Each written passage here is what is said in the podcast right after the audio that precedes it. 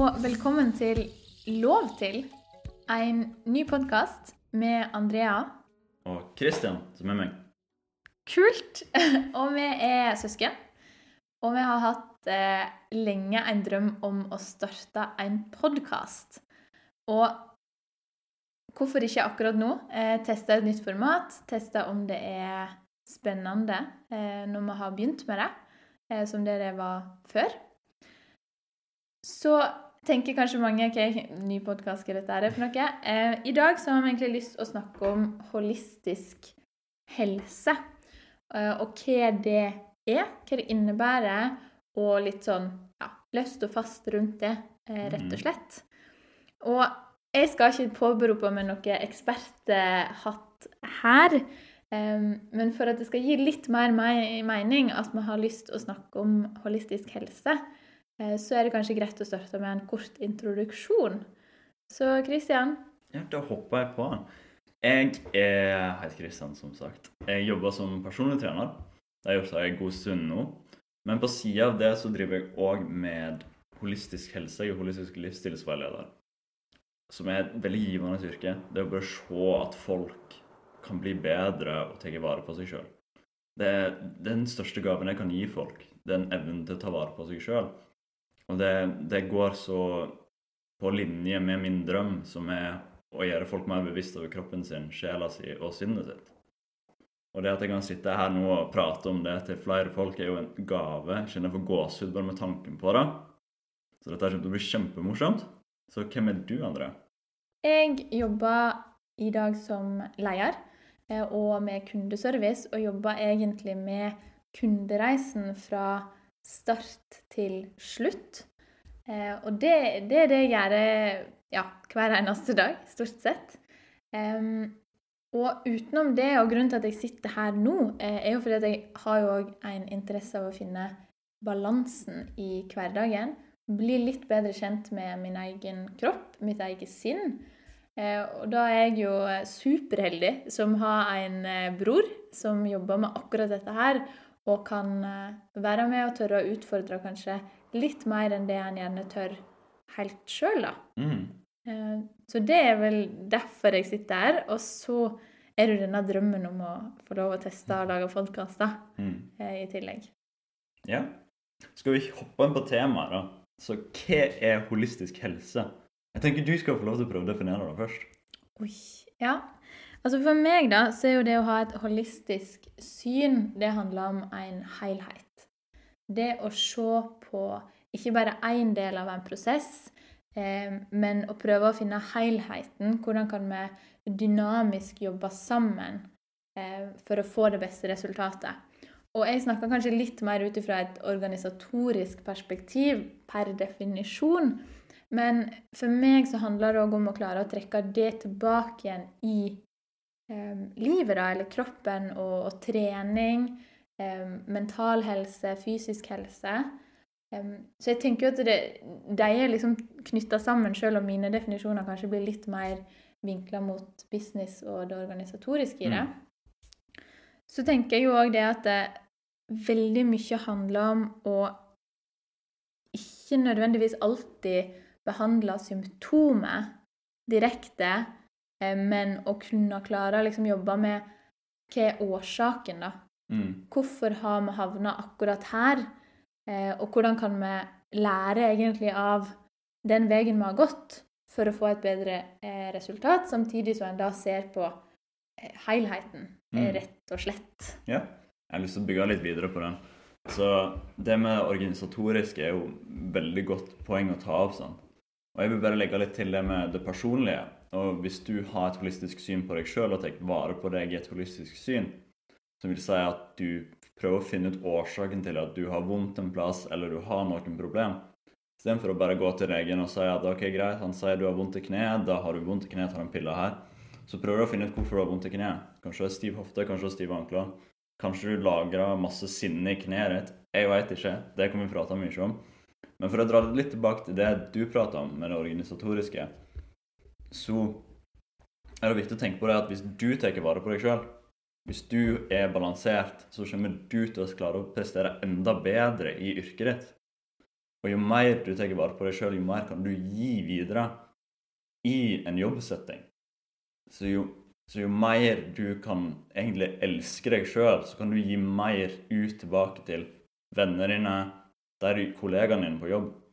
Du har liksom en viss mengde med det du kan gi, og jo mer du bygger bank, din interne bank med det, jo mer kan du gi tilbake. Mm. Og det, jeg tror du er veldig inne på noe der, men jeg tror det er veldig vanskelig eh, kanskje å kom, komme seg litt sånn til det steget der en innser det, da, at du må ha lada batteriet ditt sjøl før du klarer å prestere. Eh, og så er det litt den der definisjonen eh, Hvordan vet en egentlig at batteriet ditt er fullt, på en måte, at det er fullada, eller om det er halvparten, eller går du på reservebatteri, eh, på en måte.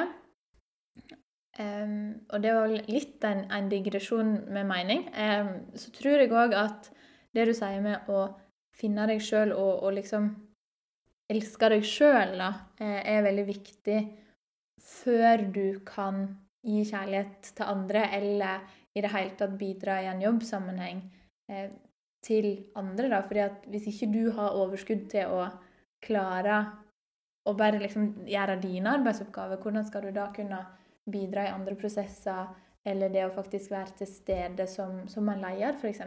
Mm.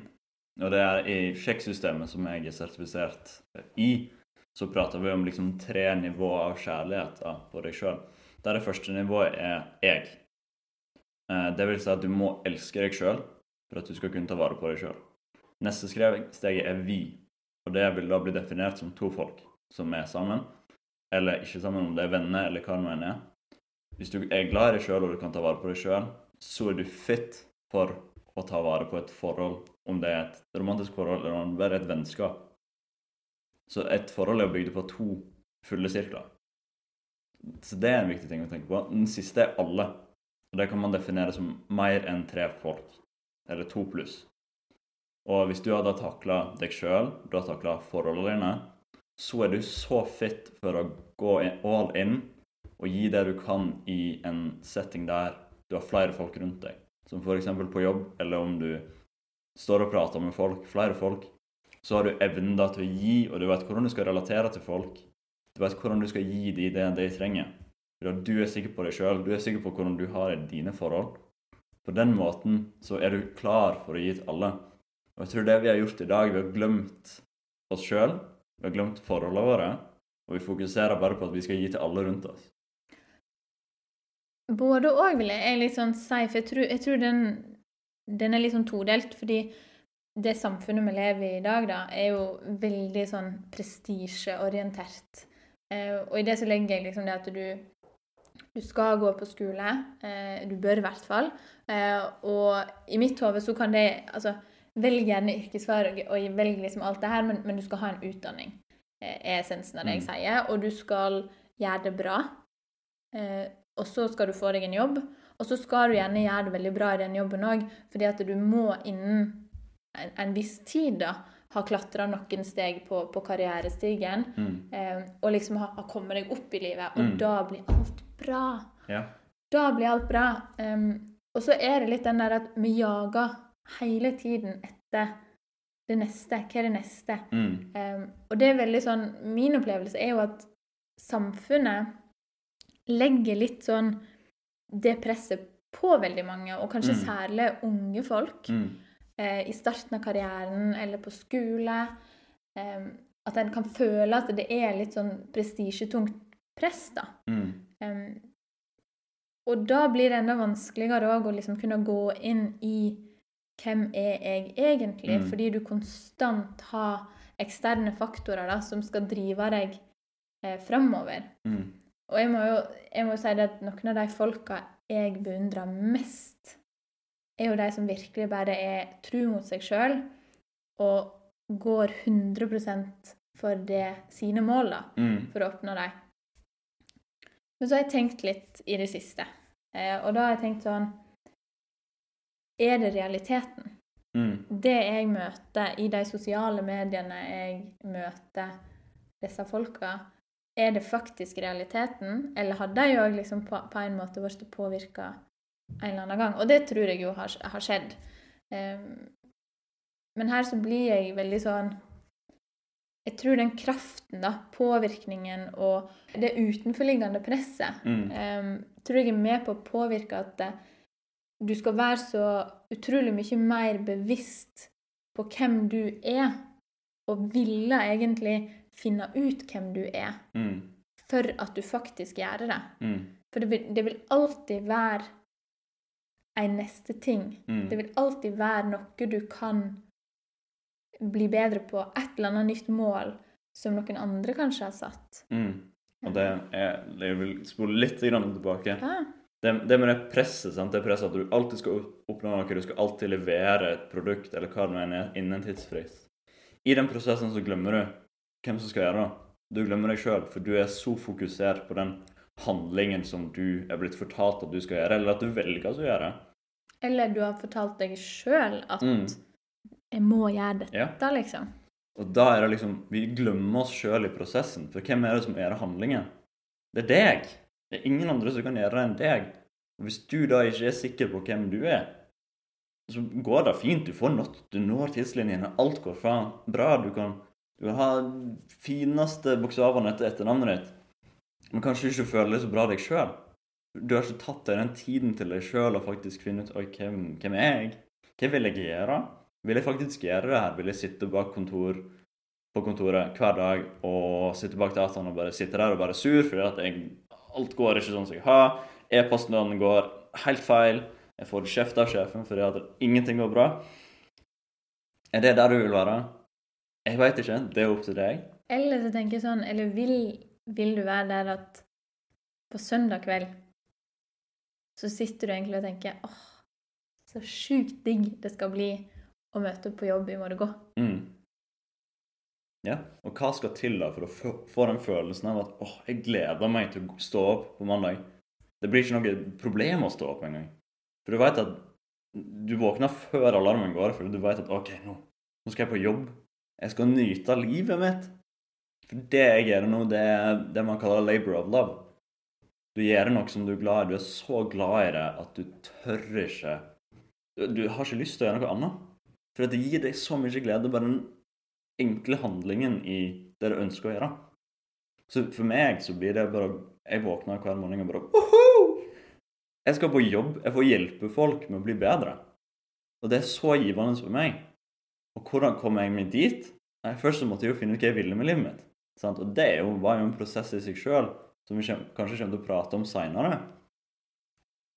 Men akkurat nå når vi prater om ok, ting er satt opp, det er prestisje, det er press, så tror jeg kunsten nå blir å sette av seg litt tid og gi deg sjøl lov til å faktisk finne ut hva du ønsker. Hvordan føler du deg akkurat nå?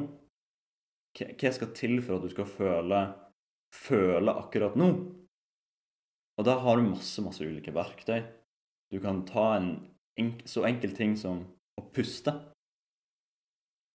Liksom, jeg stiller mange kunder spørsmålet når sist var det du tok et djupt pust der du tenkte over ok, nå skal jeg puste. Så er det nesten som det går en sånn ørkenball over, rundt i rommet. Og det er sånn der kvitring og sånt. For jeg har ikke gjort det. For det her kan være folk som er 18, det kan være folk som er 60. De har ikke hatt den der bevisste forholdet til en så enkel ting som å puste. Så det, det må jeg bruke litt tid på med mine kunder. Det er jo faktisk bare OK, pust. Ta et djupt pust. Hvordan føler du deg nå? Men jeg tror det du er inne på der, da um, Dette med pusten Jeg syns det er kjempespennende, og har vel vært litt sånn på, på en reise eh, sjøl, da, eh, når det kommer til akkurat den biten der.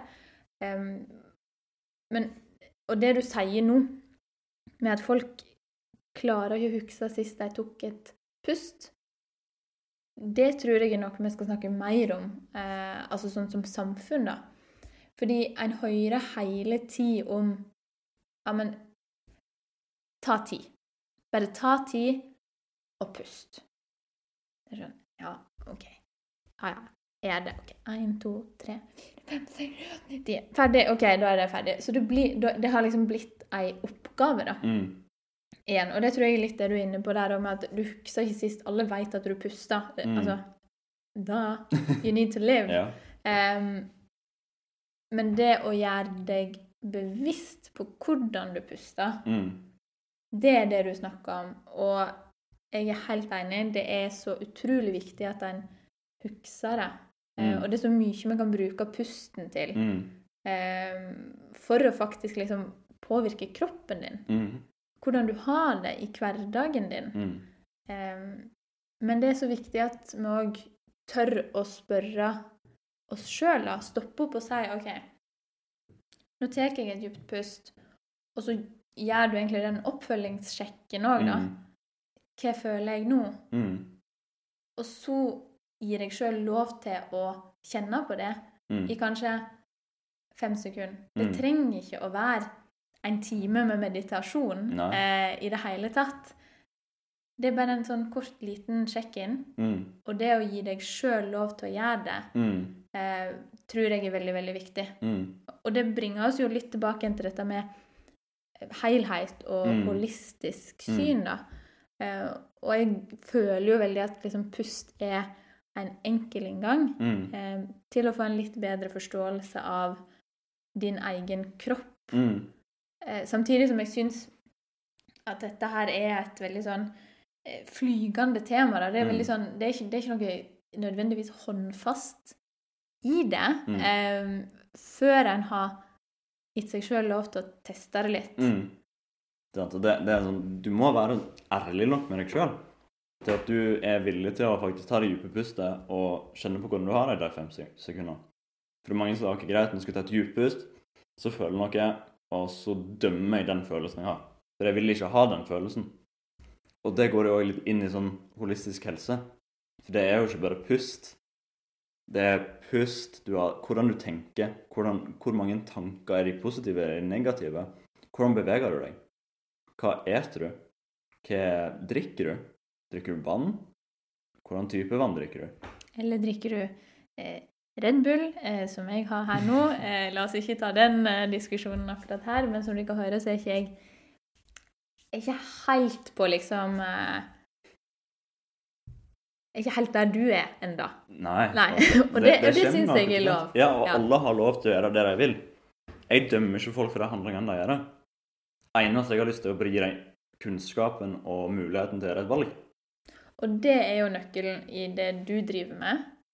Eh, Det er òg nøkkelen egentlig i mye av det jeg gjør. Mm. Eh, Det å opparbeide kunnskap, og så gi de du skal veilede eller lede, eh, den kunnskapen òg. Mm. Og så kan en, basert på det en faktisk veit, ta et bedre valg. Mm. Og så tror jeg, altså Når du snakker om helsebiten i det, da, og liksom deg sjøl og det personlige, så er jo jeg av den oppfattelsen at det finnes òg en balanse mellom det veldig sunne, det jeg vet er superbra for meg, Mm. eh, og de tinga som jeg egentlig bare syns er digg. Mm. Eh, som jeg tillater meg sjøl å gjøre. da, altså Mm. Ta meg et glass vin, eller liksom Ja. de tinga. Og for meg, når du spurte i stad liksom, om hva er holistisk syn eh, For meg, da, så handler det like mye om å finne den balansen i, i trening, eh, bevegelighet, eh, kropp, helse, sinn. Men i kosthold så handler det om at det skal fortsatt være lov å velge de litt usunne alternativene, men da må en kanskje kompensere på en annen måte, og så ikke hele tid. Det er 80-20-regelen. Har du hørt om den? Nei? Nei. Det, det vil egentlig De har gjort studier da, på folk der du har liksom Originale studien var at eh, 80% av folk er like suksessfulle som 20 av resten.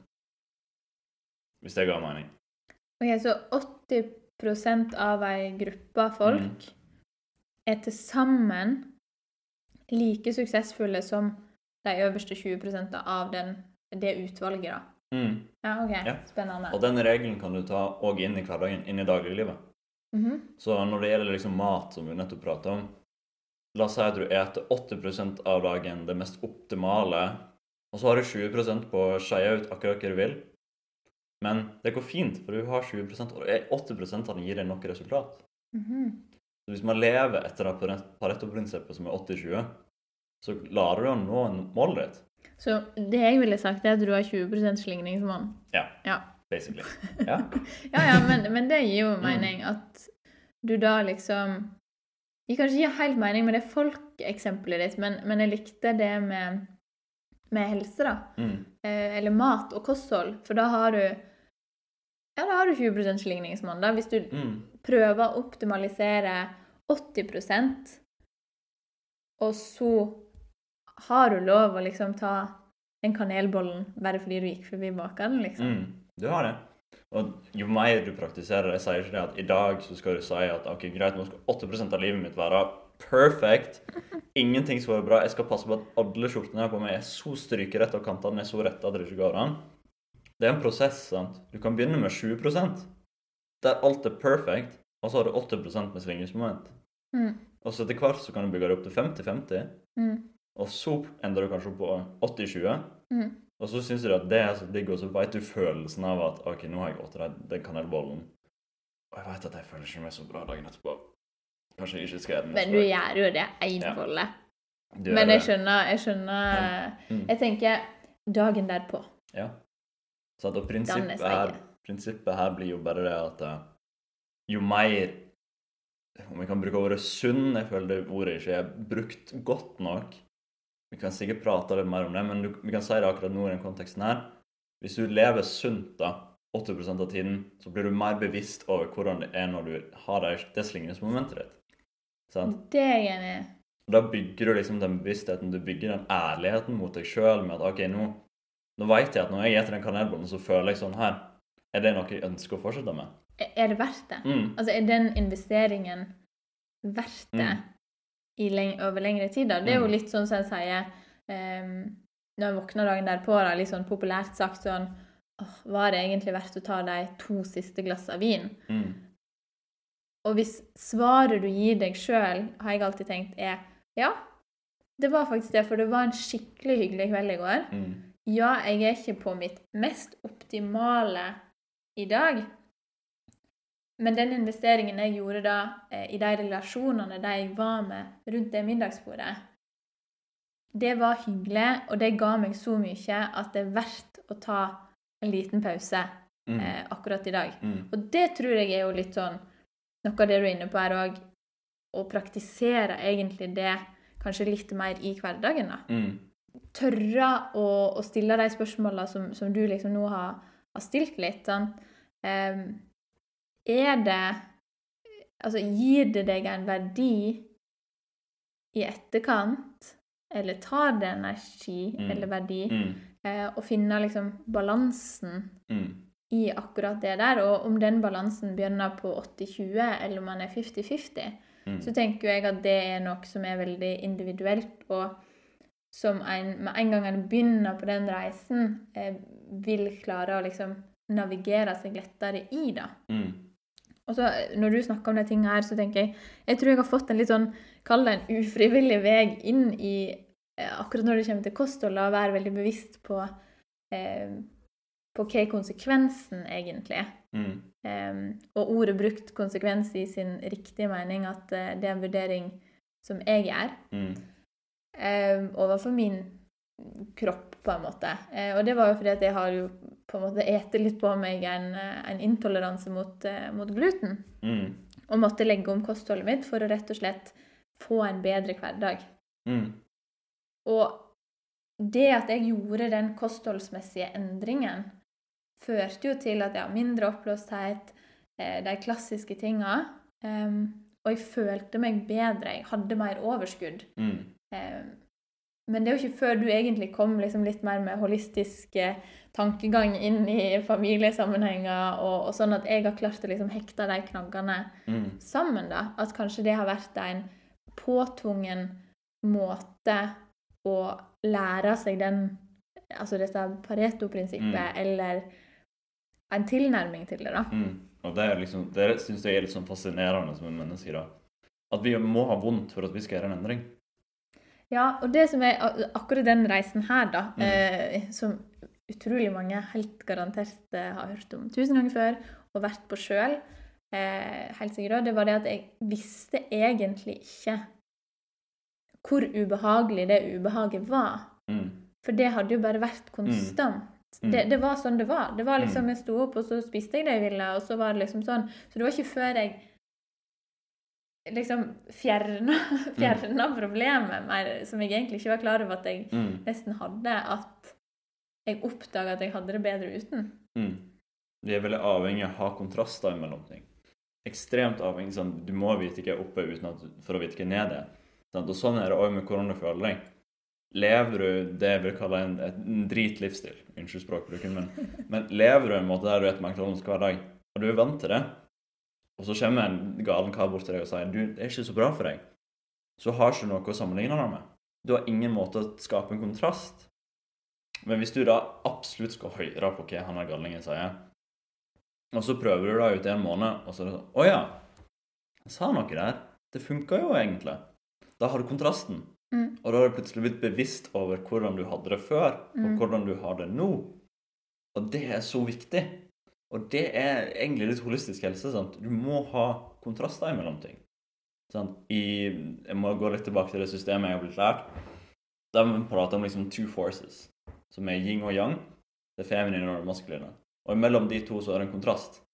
Den kontrasten kommer bevissthet eller kontrast. Sant? Og det er så viktig i alt. For det, det er så mange som går gjennom dagen og tenker Du har din rutine hver dag. Du bare går gjennom dagen, og så tenker du Nei, jeg tenker ikke over det engang. For det er bare sånn det er. Det er sånn livet mitt er. Mm. Hvorfor skal jeg gjøre noe med det? Sant? If it ain't broken, don't fix it. sant? Men kanskje en eller annen kar kommer bort og stiller et spørsmål. Og så begynner den tanken å Eller ei dame. Ja, eller en dame, eller hva nå enn er. Om det er en fugl som gjør Ja, ja, noe. ja. sant? Så kommer du kanskje fram til Da begynner den tanken å brygge. Så begynner den å gro. Mm. Og så kommer det kanskje ned sånn to uker senere og spør ja, jeg prøver da. Jeg prøver meg uten gluten en uke, og så ser jeg hva som skjer. Mm. Og så, Oi, jeg føler meg bedre. Mm. Hvorfor det? Kanskje jeg skal gå bort og spørre igjen. Mm. Ja, absolutt. Mm. Og så tror jeg det handler om den derre Det det er mestring i, det er det motivasjon i. Mm. Mestrer du noe, så er det mye enklere å liksom fortsette på det, da. Mm. Um, det er jo, jeg tror alle kan liksom kjenne seg igjen i den at det, åh, ja, det gikk skeis, det gikk på trynet, liksom. Eh, Så er det litt tøffere å reise seg opp igjen og prøve igjen. Men det er jo ofte den gangen du prøver igjen, at du får den mestringen og finner tilbake igjen i Mm. motivasjonen. Og for meg med holistisk helse eh, så handler det litt om den der ja, finne de kontrastene, da. Mm. Når føler jeg meg knallbra? Når hadde jeg en skikkelig god dag? Mm. OK, gi meg selv lov til å stille spørsmål, egentlig. Mm. Hva var det som gjorde at denne dagen var god? Mm. Eh, hva åt jeg? Eh, hva åt jeg ikke? Mm. Siden vi snakket om liksom kosthold eh, og den biten. Har, jeg, har, har, det vært, har han Kristian vært borte og pirka i noe i tanker her for to Mm. uker siden? Mm. Eh, eller Ja.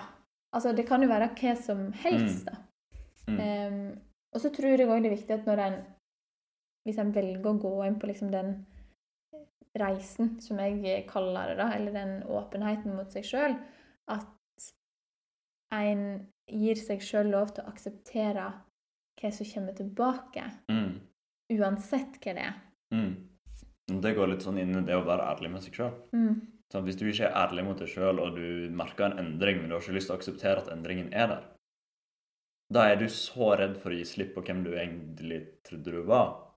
Nå går vi litt inn i sånn Hvem er jeg? og så videre. Men for at du skal gjøre en endring, så må den gamle deg forsvinne. Så du må gi slipp på hvem du trodde du var, for at du skal kunne akseptere en ny endring, en ny måte å leve på. Dette er, dette er djupt. Dette kan bli djupt, men det er egentlig ganske enkelt. sant? Skal du, du kan si at uh, du får unger. Da må plutselig det livet du hadde før du hadde unger, det må egentlig forsvinne litt. For du har fått en ny prioritet i livet ditt. Og poenget mitt nå, det jeg vil grave fram til, er viktigheten med å ha en drøm eller noe du vil jobbe imot. For i, i det du finner hva du har lyst til å gjøre, eller hva nå enn er, så er det mye lettere å gjøre en endring òg. For da kan du stille spørsmålet hva skal til for at jeg skal nå drømmen min? Mm. Hvor mye tid må jeg sette av til trening? Hvor mye tid må jeg sette av til å lage mat? Hvordan mat trenger jeg for å oppleve drømmen min? Mm. Og, og det du sier nå, er jo egentlig det utrolig mange idrettsutøvere, altså toppidrettsutøvere, når de får spørsmålet eh, hvordan klarte du å oppnå dette her gang på gang på gang, Mm. så er det det at jeg satte meg et mål, og jeg analyserte hva som skulle til for at Mm. jeg skulle nå det målet. Mm. Og alle kan ikke bli toppidrettsutøvere. Jeg tenker at det er helt, eh, helt fint. Mm -hmm. um, men du kan jo dra det ned, liksom, Mm. til et mye, mye lavere nivå og inn i livet ditt, da, hvis du tenker at OK, men jeg har jeg har lyst til å ta det neste steget i min karriere. Mm. Hva er det? Mm. Og så være sånn OK, men da trenger jeg kanskje litt mer kunnskap om det. Og så skulle jeg gjerne kanskje ha jobba litt med nettverk, f.eks. Mm. Da har du jo to nøkler. Mm. Og så er det jo opp til deg sjøl om du velger å liksom vri om og si at OK, kjør på. Eller om du bare tenker ah, det er jo ganske behagelig her jeg er nå. Mm. Og det er liksom, det er veld, veldig vanskelig hvis du har et kort kart og kommer deg en plass uten et kompass. Sant? Du må egentlig ha et kompass og et kart for at du skal vite hvordan du skal gå. Så må du helst ha et mål, da. Mm.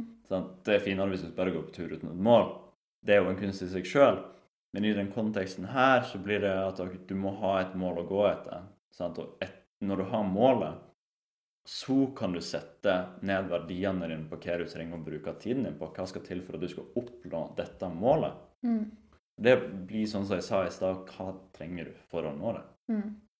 Og så tror jeg det handler veldig mye om, for å trekke det liksom tilbake til, til innledningen her, eh, der du snakket om disse tre eh, prinsipper, eller var kanskje ikke et prinsipp eh, Det er egentlig bare tre, tre grader av kjærlighet, kan man kalle det. Ja, og da tenker jeg at det vi snakker om nå, er jo på det personlige. Mm. Altså En målsetning er jo, er jo din person Mm. eh, og alt det, men hele, hele veien her så tenker jo jeg det er så viktig å, å tørre å ha den refleksjonen tilbake igjen inn i deg sjøl. Mm. Hvor er jeg nå? Har jeg kapasitet og energi til å faktisk oppnå dette her? Mm. Um, må jeg kanskje prioritere vekk Mm. noe for å oppnå noe annet? Um, og liksom de vektingene er, er viktige. Mm. Men så tror jeg òg at det er veldig vanskelig å gjøre de riktige Mm. vektningene. Da. Sånn, hvis ikke du kjenner deg trygg i deg sjøl, Mm. og der du er, sant. Em, for jeg merker jo det at jeg veldig ofte, kanskje oftere enn det som, som kanskje er sunt, refererer eh, Eller har et referansepunkt utafor meg sjøl. Mm. Hva er forventningen andre har til meg? Eh, Istedenfor å snu på den og si hvilke forventninger har jeg til meg sjøl? Mm. Ja. Forventninger er et morsomt tema. Ja, jeg Eh. tenker liksom bare å få, få vridd dette liksom litt mer inn i, i hverdagen mot liksom det holistiske synet som, Mm. som du òg liksom kan mye mer om helsemessig og, Mm. eh, og alt, da. Jeg trekker det sikkert litt ifra hverandre. Ja, jeg falt litt av tanken min nå, så jeg må Ja, jeg prøve å finne noe å tenke på her. Ehm, ja. uh, hva forventninger stiller du deg sjøl, sant? Er forventningen en positiv forventning, eller er en negativ forventning? Er det din forventning, eller er det noe du tror at andre forventer av deg? Og da går vi litt tilbake til det vi begynte med. Er du ærlig nok med deg sjøl til at du vet at dette er din forventning av deg sjøl? Mm. Eller er det noen andre som forventning av deg? Mm. Og det er så fort å falle inn i feller der du eh, tar forventningene til andre og putter dem inn i ditt liv. For du har lyst til å se ut som den fitnessmodellen på Instagram, og du tror at okay, dette er det jeg forventer av meg sjøl. Mm. Men i bunn og grunn så var det på grunn av at du så det bildet på Instagram, at du forventa av deg sjøl at du skal se sånn ut. Mm. Istedenfor at du finner ut OK, dette er det jeg har lyst til å oppnå med mitt liv. Da må jeg ta vare på meg sjøl.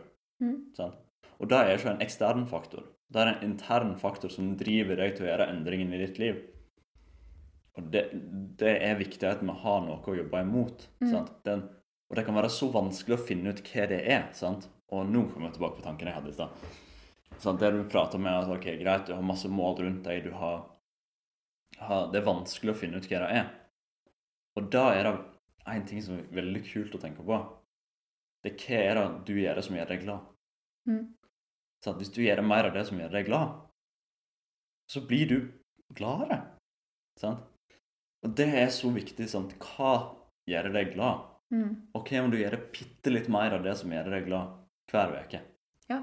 Sånn? Og det kommer til å gjøre en stor endring. Ja, altså så enkelt, da. Mm. Når lo du sist, Ja. og hva lo du av? Mm. Gjør litt mer av det. Ja. Selv om det, altså det høres jo superbanalt og så enkelt ut å sitte her og si det. um, men jeg tror veldig på det der at klarer du å se de lyspunktene og forlenger dem da, med noen Mm. sekunder hver gang du, du møter dem, så, så blir du nok altså, mer glad. Mm. Eh, og mer, det er lettere å lage seg de positive tankemønstre Mm. eh, som er knytta til den gode følelsen. Mm. Og jeg tror akkurat det du sier nå Vi snakka litt om det å kjenne at eh, batterinivået sitt Har du lada, eller eh, Mm. har du liksom tappa batteriet? Og det du sier der, er jo rett inn i dette. Mm. Noe som du blir glad av, er gjerne òg forenlig med noe som lader batteriet ditt. Mm. Eller gir deg mer energi. Mm. Eh, positiv forstand. Mm. Eh, om det er mennesker du er med, om det er en aktivitet der du føler at nå er jeg eh, For å bruke et eh, yogauttrykk, nå er jeg mer zen. Eh, Mm. Nå har jeg liksom funnet roen. Eh, altså Det kan være alt mulig. Det kan jo være Mm. Nå hørte jeg en knallgod podkast. Mm. Um, nå ble jeg supermotivert av en public speaker. Altså alt, eller bare det å se eh, to gamle folk gå og holde hendene på gata, Mm. liksom. Mm. Og det er sånn Hva gjør deg glad? Sånn. Og det går litt tilbake til det jeg sa, verdier. Sånn. Hva gjør deg glad? Hva gjorde deg glad når du var unge? Likte du å male? Gjør mer av det. Likte du å synge? Gjør mer av det. Likte du å danse? Gjør mer av det. Gjør mer av det som gjør deg glad. Og jo mer du gjør det som gjør deg glad, jo mer lader du batteriet ditt. Jo mer har du evnen til å gi tilbake. Og det er jo bare ett av pilarene i holistisk helse. Mm. Sånn, I sjekksystemet så har du fire doktorer. Du har Dr. Quiet, Dr. Happiness, Dr. Diet og Dr. Movement. Dr. Happiness er det vi prater om nå. Sånn, Hva gjør deg glad? Dr. Diet er hvordan eter du? Er sånn du eter på linje med hva du har lyst til å oppnå. Mm.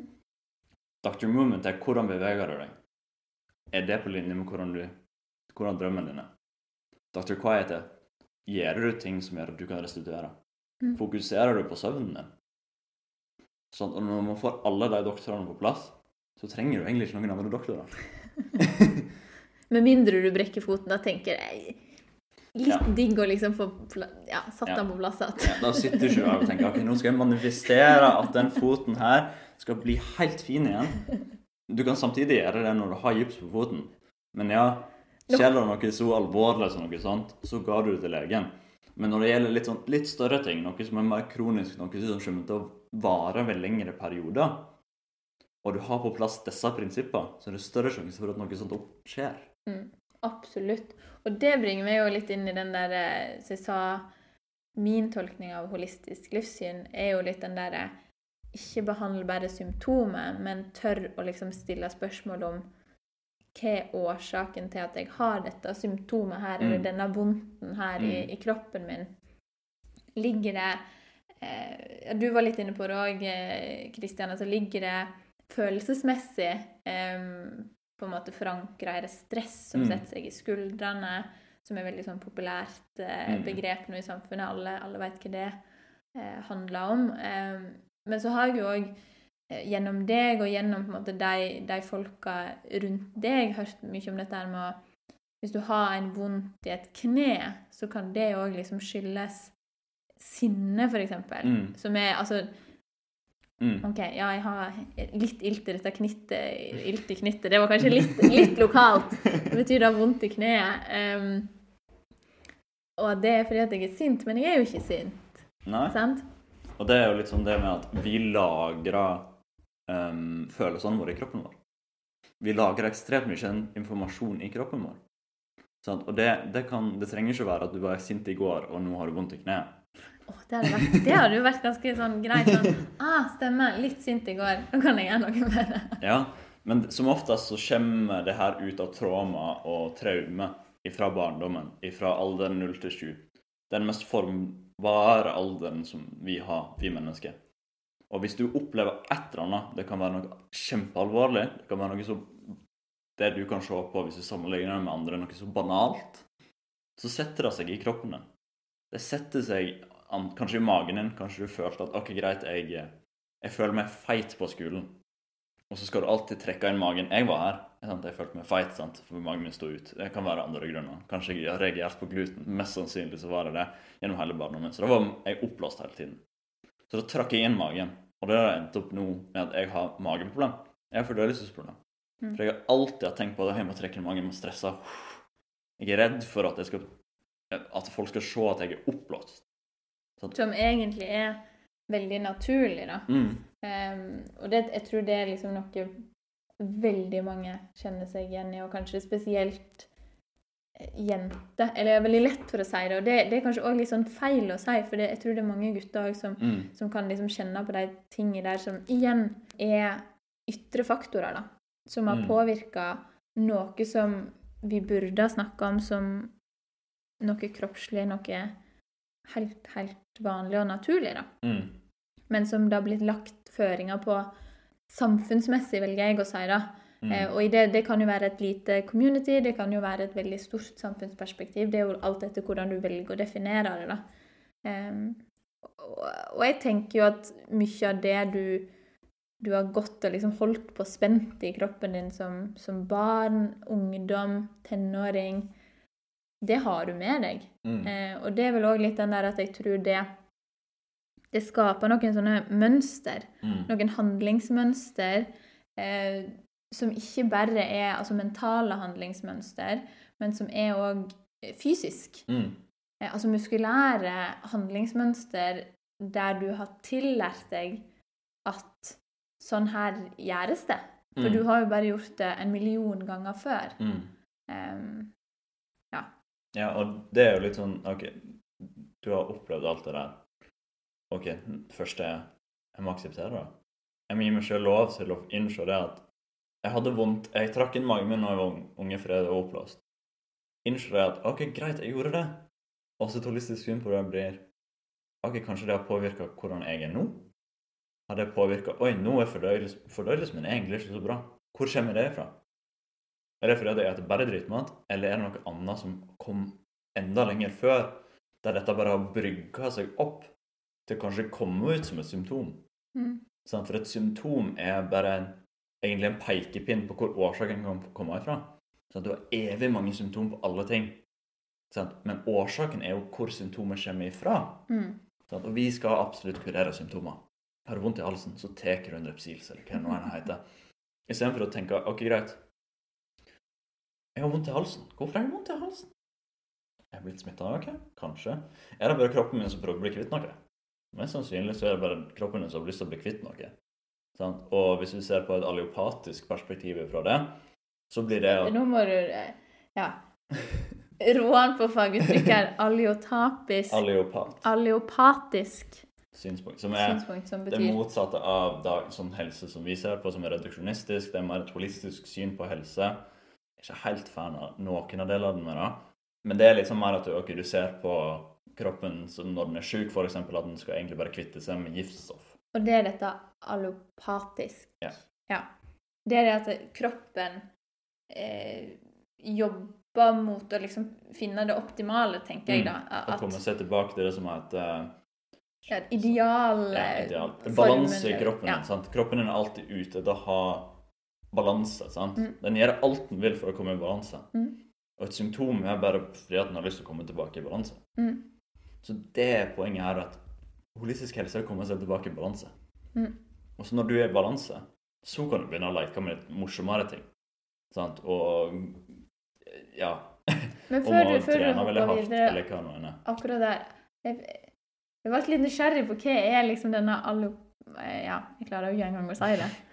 Allopatisk mm. syn mm. på ting. Er det noe som inngår i holistisk livssyn? tenker du? Eller er det på en måte noe helt annet? Det er en type medisin.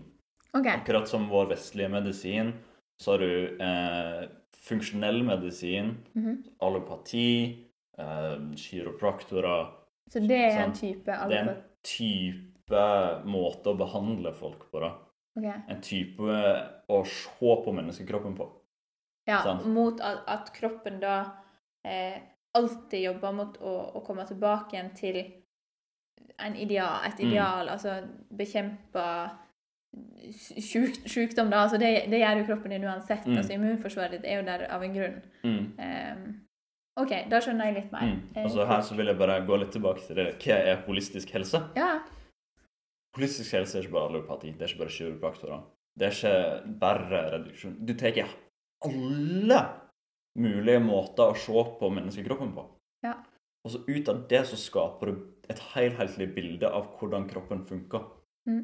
Ja, for det er jo sånn at selv om du sier jeg har en, et holistisk eh, syn eller en tilnærming, så er det jo fortsatt deler, som du Mm. beskriver nå, inni alt dette her. Mm. Um, som jeg i en organisasjonsperspektiv ville sagt det er jo de ulike funksjonalitetene du har, kanskje. Kundeservice som er en del, salg eh, Ja, altså alle disse her tingene som, som egentlig er maskinerier da, for å Mm. få ting til å gå rundt. Mm. Og det er jo litt sånn som jeg tenker um, på altså kroppslig og, og holistisk Altså helsebiten er jo litt sånn de ulike eh, funksjonene, da, eh, og teoriene som er innbakt i det synet. Mm. Eh, så kan du jo sikkert identifisere et symptom, enkelte vi kaller et mer vestlig medisinsk Mm. eh, view Mm. synspunkt. Eh, men så er det kanskje noen følelser som ligger bak, så du skal Mm. ha med deg det òg før du begynner med behandlingen. Mm. Og Jeg er inne på- kanskje, ja, og så ja. kanskje hvordan du beveger deg. Kanskje er noe så enkelt som hvordan du puster. Kanskje hvorfor du ikke drikker nok vann. Kanskje har vondt i hodet fordi du ikke drikker nok vann. Mm. En så enkel ting. Okay, Symptomet er du har vondt i hodet. Uh, det vestlige løsningen på det er å ta Paracet. Mhm. Um, et annet perspektiv blir ok, bare glem det, bare push through it, power through it, det går over. Holistisk syn. Ok, greit, vi vet at det er vondt i hodet. Da har du vondt i hodet. Um, redusjonistisk er ta en Paracet. Andre mener jeg skal prøve å gå rett gjennom det. Hmm. Ok, kanskje vi skal prøve å drikke litt mer vann. En så enkel ting sant, som vi tar litt for gitt, det er bare å drikke vann. Altså, der tenker jeg I det eksempelet der, eh, det likte jeg veldig godt, og da tenker jeg med en gang hangry. Mm. Hvis jeg blir hangry, så begynner det gjerne med liksom ilt i hodet. Mm. som en litt sånn varsellampe. Eh, og da vet jo jeg at nå, hvis ikke jeg får i meg næring nå, eh, så vil dette potensielt bli litt ubehagelig for de som er rundt meg, for da blir Mm. jeg Altså lunta blir kortere, da. Mm. Og det er jo bare liksom en forskjell på kanskje sånn som du satte opp det forrige måltidet ikke setter deg opp bra nok til å prestere senere. Ja, ja, ja eller det kan være at det er for lang, Ja, eller tid for lang tid. Vet men, men Mm. det jeg mente vel her, var litt den der at da kunne jeg jo Hvis jeg kommer i den situasjonen, så kunne jo jeg valgt å si OK, tre Paracet. Mm. Eller det skal du sikkert ikke ta. To, da. Don't uh, quote me on this. så du helt sikker. Ja. um, kunne jo valgt å liksom si 'kjør på, kjør på', eller liksom stoppe opp. All right, jeg kan faktisk gå og liksom putte på Mm. litt bensin, da. Ja. Bare få litt noe som kroppen liker. Sånn, sånn bare få balansert ut blodsukkeret igjen. Sant? Mm. For det er jo bare det hangry Sant? Du har for lavt blodsukker, så du er ikke vant til det. Så vet ikke kroppen din hvordan den skal respondere til lavt blodsukker. Så da responderer han med at du blir hangry, osv.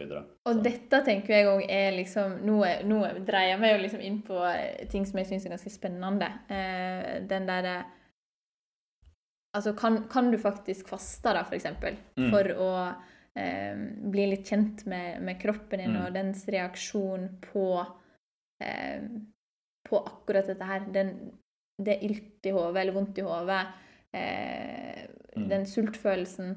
Altså, kan du bli så godt kjent med det at du vet nøyaktig hva som skal til, Mm. når du gjenkjenner det? Mm. Men det tror jeg liksom er en helt egen podkast. Ja, det, det tror ikke Ikke podkast, kanskje, men en episode episode om, om akkurat den der. For der, Mm. der har jo du òg en del Mm. erfaring. Mm. Eh. Det, det kommer vi til å prate om, og det er et fascinerende tema. Jeg elsker å prate om fasting, jeg elsker å prate om mat, og hvordan du kan bare bruke det til å optimalisere deg sjøl. Ja.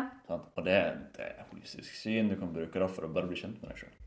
Ja, ja, ja, og det er jo litt Mm. den innfallsvinkelen jeg kommer med i dette her. er jo at jeg, jeg syns det er spennende med nye ting.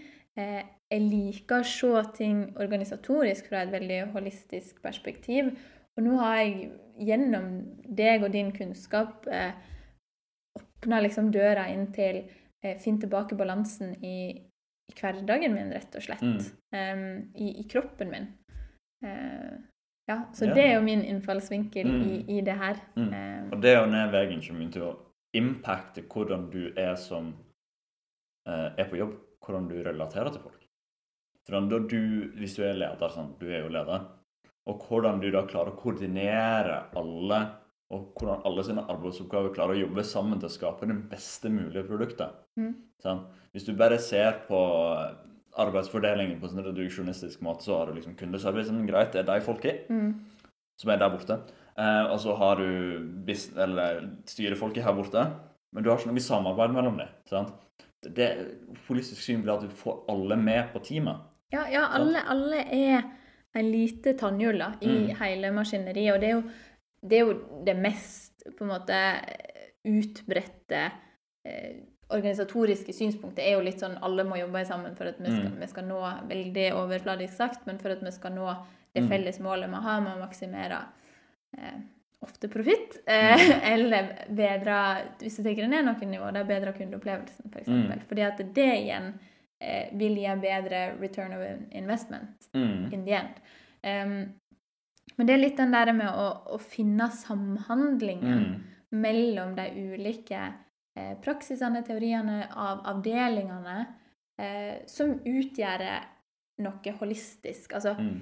for å igjen prøve å liksom bruke vanlige ord, da. Mm. Og Eh, husk menneskene i det. sant? ja. For menneskene er Det er jo de som ja, ja, absolutt. gjør det. Det, ja. Så det er fort man bare ser på liksom eh, Du bare ser på grupper med folk, og så er det bare det produktet til gruppa som du tenker på.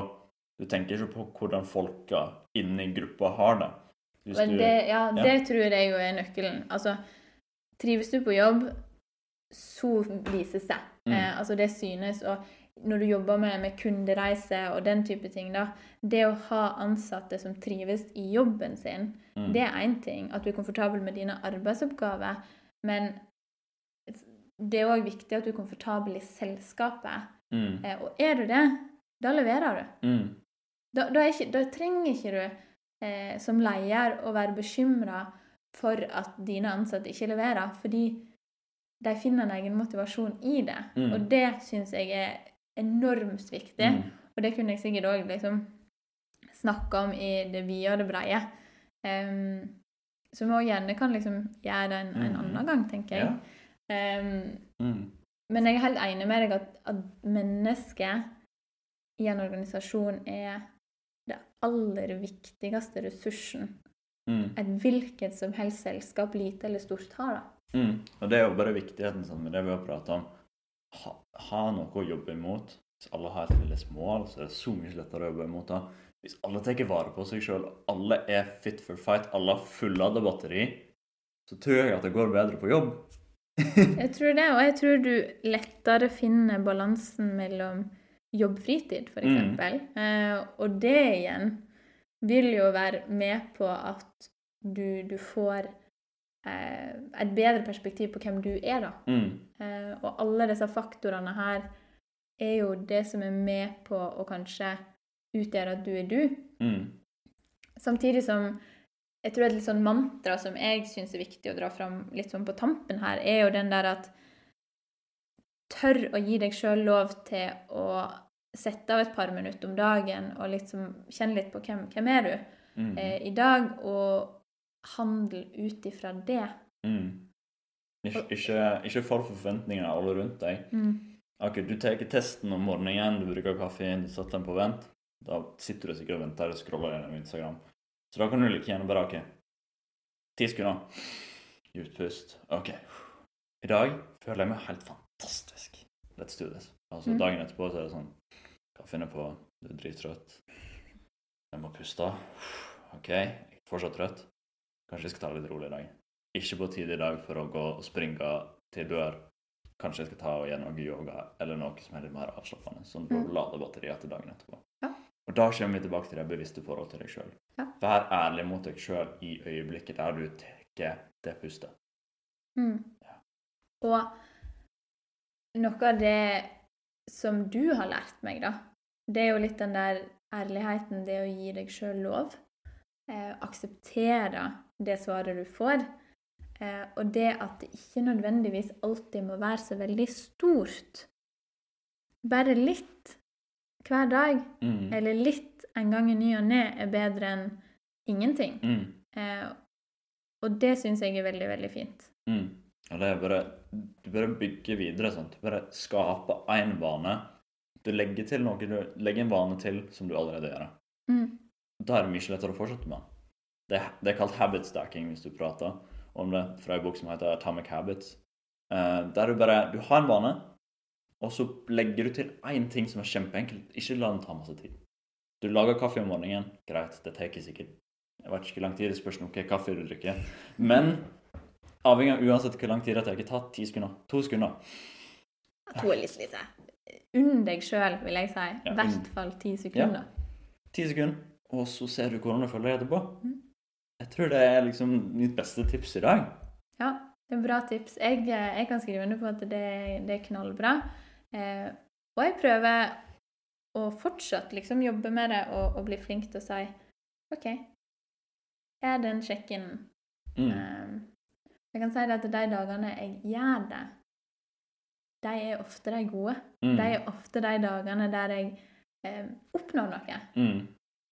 Mm. Så det, det funker, liksom. Det Det, det er det jeg sier. Det funker. Mm. Og så her på tampen skal jeg si god, god kort. Ja. Hvis det ikke funker det vi prater om, så er det ganske stor sjanse for at du gjør feil. Oi, det er bold.